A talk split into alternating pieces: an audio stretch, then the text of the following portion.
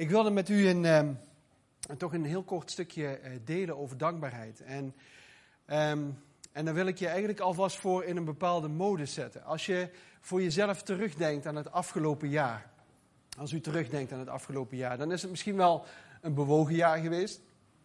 Misschien wel een jaar waarin heel veel gebeurd is. Maar als u terugdenkt aan die periode van januari tot en met december, wat zijn dan de dingen waar dat u dankbaar voor bent geweest het afgelopen jaar? Wat is er in uw leven gebeurd waar dat u van zegt van, poh, dat was zo ontzettend mooi. Dat is fantastisch dat ik dat heb mogen meemaken. En als je daar wat op terugkijkt en daar wat op bezint, dan denk je, poh, wat is dat grandioos geweest. Er zijn mensen die hebben een kindje mogen krijgen of zijn zwanger geworden. Er zijn mensen die zijn getrouwd. Er zijn mensen die zijn gedoopt. Er zijn mensen die verhuisd zijn. Er zijn mensen die op allerlei, misschien wel een andere baan hebben gekregen. Er zijn mensen op allerlei verschillende manieren gezegend. En ik denk dat het heel goed kan zijn dat het ook wel zo is dat je heel veel moeilijke dingen hebt meegemaakt en dat je teleurgesteld bent geraakt in dingen. Maar als je dat ene aspect van dankbaarheid neemt, ik weet niet wat dat met, met jou doet, maar als je echt gaat bezinnen over datgene waar dat je dankbaar voor bent, dan, dan borrelt er iets in jouw hart op. Een tijd geleden had ik een, een hele bijzondere ervaring, omdat Um, als je jarig bent, dan, dan krijg je een cadeautje. Hè? zo werkt dat een beetje. En op de een of andere manier verwacht je dat cadeautje ook. En dan ben je wel dankbaar. Maar het meest dankbare ben je als je het niet verwacht. Heb je dat wel eens meegemaakt dat je in één keer iets krijgt en dan, dan denk je, waarom? Waarom krijg ik dat? Nou, ik geloof twee jaar geleden ongeveer gebeurde mij hetzelfde. Toen gaf iemand aan mij een heel kostbaar cadeau. En ik had er niks voor gedaan. Ik had, eh, was niet jarig, er was geen jubileum. Eh, en die mensen zeiden tegen mij, dat is zomaar. ik denk, dat, ja, maar dat kan niet. Er moet een addertje onder het gras zitten. Maar er zat niks onder het gras. En het gevoel wat ik op dat moment had, dat is dankbaarheid die niet echt uit te drukken is. Je krijgt iets wat je niet verdient, het overweldigt je en je denkt, boah, wat is dat mooi. Heb je zoiets wel eens meegemaakt dat je denkt van, boah, ik heb iets gekregen dat overweldigt me, ik snap het niet. Ja, ik moet het maar gewoon accepteren en het, en het is zo. En ik wil met jullie twee tekstgedeeltes lezen. Het eerste gaat over Deuteronomium, hoofdstuk 26. En ik ga een paar teksten lezen omwille van de tijd. Dan gaat het erom als het volk van Israël het beloofde land is binnengekomen, dat ze een gedeelte van hun oogst mogen overdragen. Dat staat in vers 2. U zult er oogst binnenhalen als u daarvan dan het eerste en het beste deel in een mand neemt, meeneemt naar de plaats die de Heer uw God zal uitkiezen om er zijn naam te laten wonen. En u verschijnt er voor de priester, die op dat moment dienst doet, en zegt dan het volgende tegen hem. Hiermee verklaar ik voor de Heer, uw God, dat ik het land waarvan de Heer onze voorouders onder Ede heeft beloofd, dat Hij ons zou geven, ben binnengegaan. En als de priester de mand in ontvangst heeft genomen en die voor het altaar van de Heer zet, moet u het volgende beleiden. En dan moet je eigenlijk, of dan wordt er gevraagd om te beleiden datgene wat God in je leven gedaan heeft. Datgene dat God je uit Egypte heeft gehaald en je op een veilige plek heeft gezet. En dan gaat hij verder in vers 10. Heer, zeg, is dan het gebed, Heer, hierbij breng ik u de eerste opbrengst van het land dat u me gegeven hebt. Bied de Heer, uw God, zo uw gave aan en kniel voor hem neer. Uit dankbaarheid. En dan het tweede gedeelte wat ik eh, met u wilde lezen. Het staat helemaal achteraan in het Oude Testament. En dat staat in het boek Habakkuk, een kleine profeet. En deze profeet vertelt over eh, een een stormachtige tijd in zijn leven, maar ook in het leven van uh, velen met hem. Daar staat in vers 17, en ik denk dat u deze tekst wel kent. Uh, hoofdstuk 3, vers 17. Al zal de vijgenboom niet bloeien, al zal de wijnstok niets voorbrengen, al zal de oogst van de olijfboom tegenvallen, al zal er geen koren op de akker staan, al zal er geen schaap meer in de kooien zijn en geen rund meer binnen de omheining, toch zal ik juichen voor de Heer. Jubelen voor de God die mij redt. God, de Heer, is mijn kracht. Hij maakt mijn voeten snel als hinden. Hij laat mij over de bergen gaan. Wat een prachtige tekst. Maar ook het eerste gedeelte, wat spreekt over dankbaarheid. Wat was de gewoonte? Mensen kwamen als ze de oogst hadden opgehaald, dan de eerste oogst hadden opgehaald, dan gingen ze naar de priester toe en dan gaven ze het gedeelte van die oogst gaven ze over aan de priester. En geven heeft iets heel aparts in zich in dat Oude Testament. Want de Heer vraagt eigenlijk om te geven nog voordat je de rest van de opbrengst van je oogst weet. Dat is raar.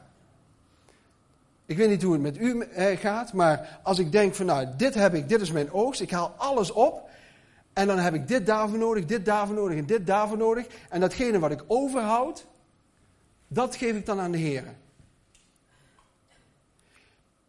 Maar God draait het hier eigenlijk precies andersom. Hij zegt, nog voordat je alles hebt opgehaald, nog voordat je eigenlijk weet hoe groot je oogst zal zijn, wil ik dat je geeft. En ik wil niet dat je geeft vanuit de restjes die je hebt, maar ik wil eigenlijk dat je geeft vanuit het eerste wat ik aan jou heb gegeven. Je weet niet hoe dat de rest van de oogst zal zijn. Je weet niet of het nog veel gaat opleveren of weinig gaat opleveren. Maar dat, die daad van vertrouwen, dat ik het overgeef aan Hem, nog voordat ik weet wat het gaat worden, dat past in mijn hoofd er bijna niet bij. Weet u wel, Heer, ik doe liever eerst dat ik al mijn rekeningen heb betaald en dat ik al mijn dingen heb gedaan. En dan als ik wat over heb en als ik nog wat in mijn beurs heb zitten, dat geef ik aan u.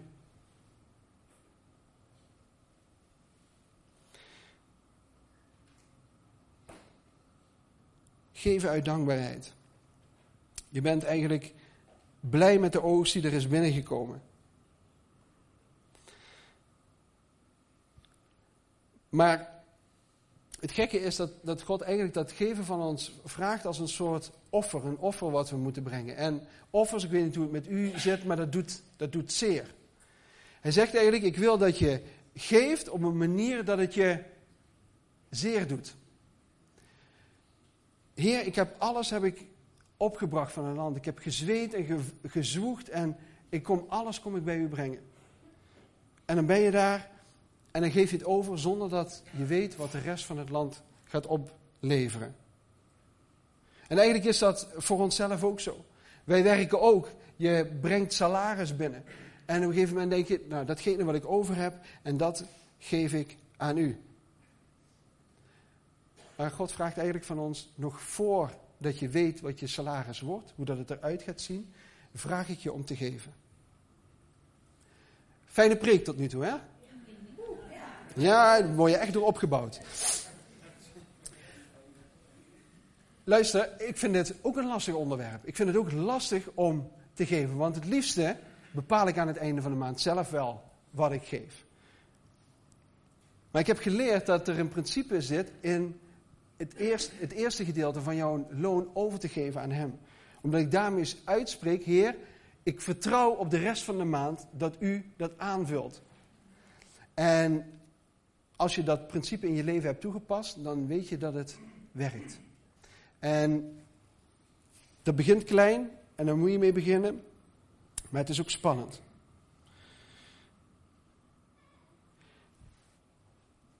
Um, Dat geven, dat is eigenlijk iets wat, wat als het ware vastgeboord moet zitten in jouw hart. Maar zul je misschien zeggen, ja, dat, dat, dat, dat, dat boerderijgebeuren of dat boerengebeuren, dat van dat land, ja, dat, dat spreekt eigenlijk niet zozeer tot, tot mijn verbeelding. Ik hoef niet te zwoegen op het land en, en Oost, tenminste de meeste van jullie zijn geen boeren geloof ik.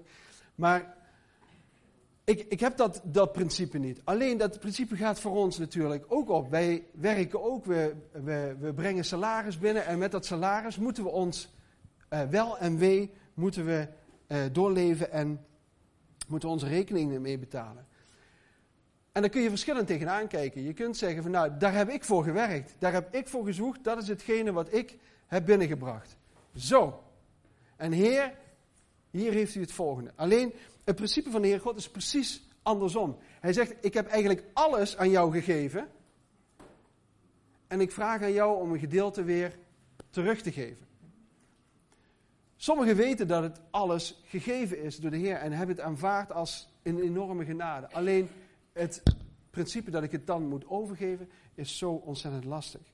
Maar Heer, ik heb er toch zelf voor gewerkt. Ik heb, toch hard, ik heb er toch hard voor gezorgd. Maar als we eerlijk zijn, alles wat je hebt gekregen, eh, of alles wie je bent, heb je in principe gekregen. Jouw gaven en jouw talenten, heb je die zelf gecreëerd? Nee, die heb je gekregen. Ehm, jouw gezondheid heb je gekregen. De plaats waar dat je woont, waar dat wij wonen, heb je gekregen. Als je in Centraal-Afrika geboren zou zijn, dan zou je nog zo hard kunnen werken, nog zo hard kunnen studeren, maar dan had je waarschijnlijk niet de kansen gehad die je hier had gekregen. God heeft jou op deze plek bedoeld, heeft jou de dingen gegeven om in te functioneren en te handelen en heeft jou overladen met gaven en met talenten. En vanuit die dankbaarheid, daar mag ik van geven. Dit voelt al wat beter. Dit voelt al wat beter. Want geven wordt ook een soort vreugde.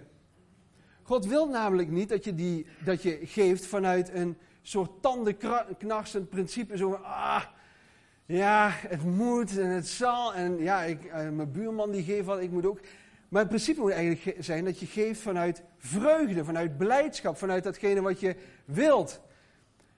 Jezus zei in Matthäus 6, daar waar je schat is, daar zal ook je hart zijn. En dat ging over dat geven, het ging over financiën. En hij zei van, nou op het moment dat je geeft, kun je eigenlijk zien waar dat jouw hart naar uitgaat. U weet dat ik heel erg van vissen houd. Maar stel je voor dat mijn zoon op een boze dag zegt: Pap, ik wil gaan vissen. Ah, en dan moet ik een hengel voor hem kopen, dan moet ik dit voor hem gaan kopen, dan moet ik dat voor hem kopen, dan moet ik misschien nog met hem meegaan, dan moet ik gaan zitten.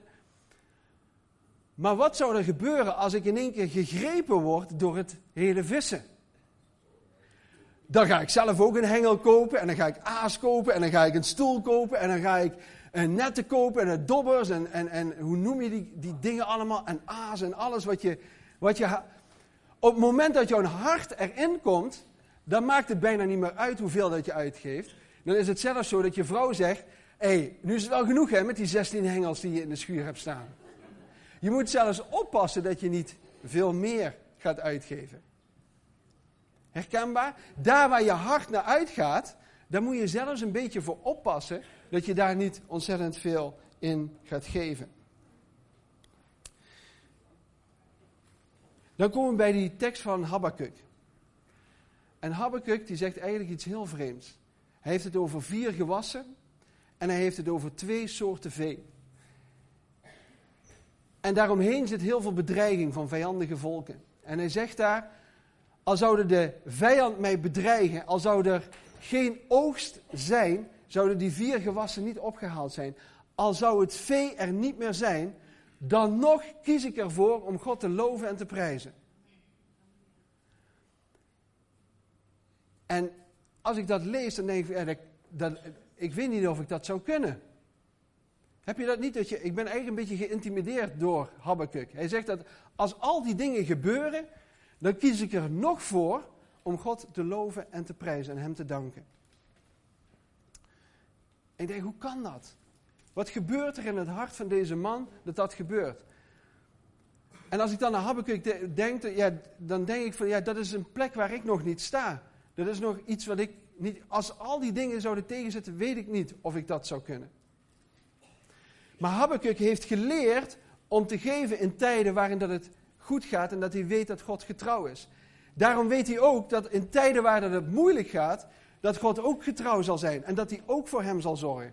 Al zou er niks zijn in jouw omgeving wat, wat, wat erop lijkt dat er maar enige verbetering mogelijk is, toch zegt Habakkuk, ik blijf vertrouwen op de Heer.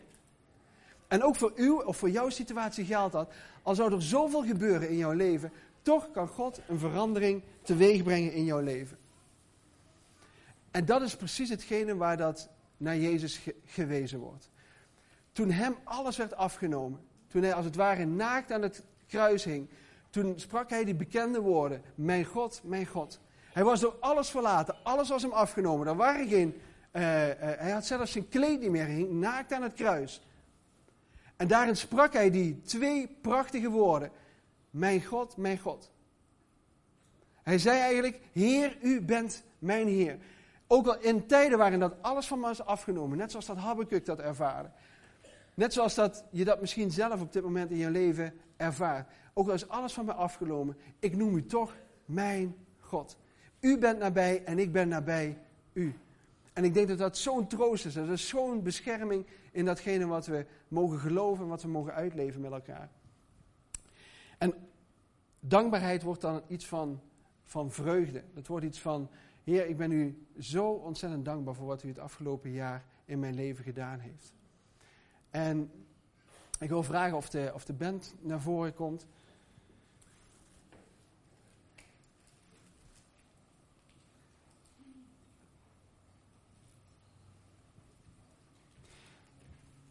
We kunnen misschien geïntimideerd zijn door datgene wat, uh, wat Habakkuk doet.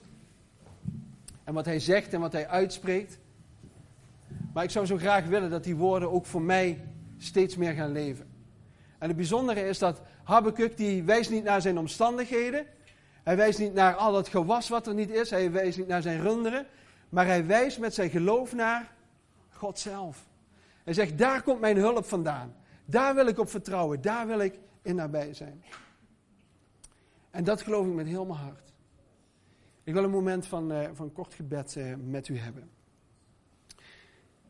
Heer Jezus, dank u wel, Heer, dat in de omstandigheden waarin dat wij ook zijn, Heer, dat het goed is en dat het mooi is om aan u terug te geven. Heer, niet vanuit schuld, niet vanuit, um, Heer, vanuit, vanuit een soort compensatiedrang. Heer, maar als ik geef, Heer, dan wil ik dat heel graag doen vanuit mijn hart. Heer, dan wil ik dat doen vanuit vreugde, dan wil ik dat doen vanuit liefde, dan wil ik dat doen, Heer, om in alles wat U voor ons gedaan heeft. Heer, en als ik al deze getuigenissen heb gehoord, Vader, de, deze zondag, en, maar al die getuigenissen die ook hier in de zaal zitten, Vader heeft zoveel in ons leven gedaan. Heer, en dan wil ik u bidden, Heer, als we zo meteen het offer mogen ophalen. Heer, dat we mogen geven vanuit dankbaarheid. Niet vanuit een moeten, niet vanuit een verplichting, Heer, maar dat ons hart er echt in is. Heer, dat we met passie, met bewogenheid kunnen zeggen, Heer, ik wil u navolgen, ik wil bij u zijn, Heer. Heer, en dat, ik kan misschien niet veel doen, Heer, maar ik geloof door, dat ik door mijn gift tot zegen kan zijn voor anderen. Dat mensen weer over uw evangelie kunnen horen. Dat er een plek hier gecreëerd wordt. Dat mensen thuis mogen komen. Waar dat ze u mogen ontmoeten en u mogen leren kennen. Vader, en ik wil u zo danken daarvoor, Heer. Dat bid ik in Jezus' naam. Halleluja. Amen. U heeft um, deze prachtige kaarten op uw stoel liggen. Ze liggen om en om. U kunt natuurlijk contant geven, maar we hebben vandaag ook de mogelijkheid om uh, dat door middel van een machtigingskaart te doen. Het wijst zich eigenlijk helemaal vanzelf. U kunt uw naam invullen. Gelieve ook in, uh, in blokletters dat te doen. Uw bankgegevens, zorg dat u alles correct invult. En vergeet hem ook niet te ondertekenen. U kunt zelf een bedrag kiezen. U kunt 10, 25, 50, 100 of een ander bedrag uh, uh, geven. En ik wil u vragen om daar even de tijd voor te nemen om dat in te vullen. U mag ook contant geven, dat is ook niet, uh, niet erg, maar wil u echt vragen en oproepen om, om guld te geven, zodat we een prachtig huis kunnen maken waar we mensen mogen ontvangen en waar dat door de hele week heen um, ja, mensen thuis mogen komen. Als u geen pen heeft of u heeft geen kaart, misschien dat u eventjes uw hand kunt opsteken. Er loopt iemand rond en die, die, uh, die gaat dat ophalen. En ondertussen kunt u luisteren naar een lied van ons aanbiddingsteam.